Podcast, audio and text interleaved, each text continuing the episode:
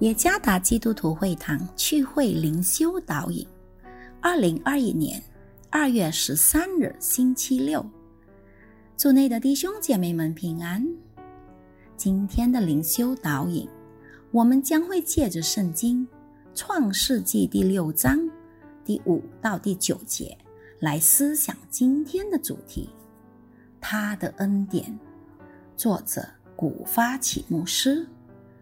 创世纪第六章第五节：耶和华见人在地上罪恶很大，众日所思想的尽都是恶，耶和华就后悔造人在地上，心中忧伤。耶和华说：“我要将所造的人和走兽，并昆虫以及空中的飞鸟，都从地上除灭，因为我造他们。”后悔了，唯有挪亚在耶和华眼前蒙恩。挪亚的后代记在下面。挪亚是个异人，在当时的世代是个完全人。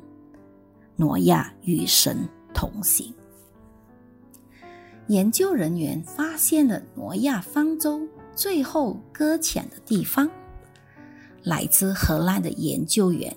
Jared Alton 证实，这些文物是在土耳其山脉的一万三千英尺（约三点九公里）的高空发现的。这一发现驳斥了考古学家罗恩·怀亚特 （Ron Wyatt） 在一九八七年的发现。洪水和挪亚方舟的事件具有自己的含义。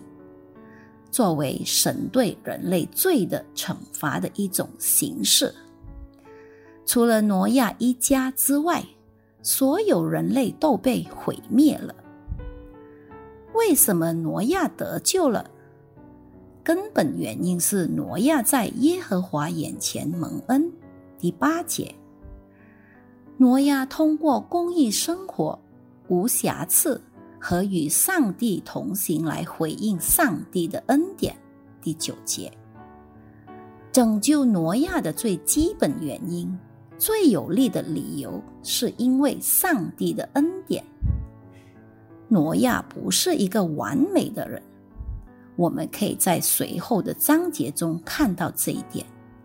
只有上帝是完美的，但是挪亚接受了上帝的爱。此，他和他的家人没有被毁灭。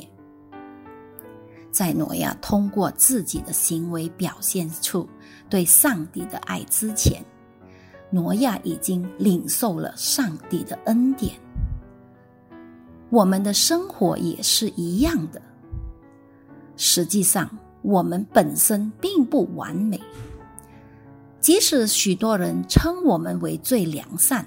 最虔诚的人，我们可以活在上帝允许我们活下去的过程中，因为他通过基督耶稣在十字架的工作而获得了恩典。圣灵鼓励我们通过训练自己，生活在上帝的公义中，来回应他的恩典。上帝的恩典给了我们一次又一次的爱上帝和我们的邻居的机会。我们从上帝那里得到的救恩，使我们更加爱上帝和我们的邻居。在我们爱他之前，他已经先爱我们。愿上帝赐福于大家。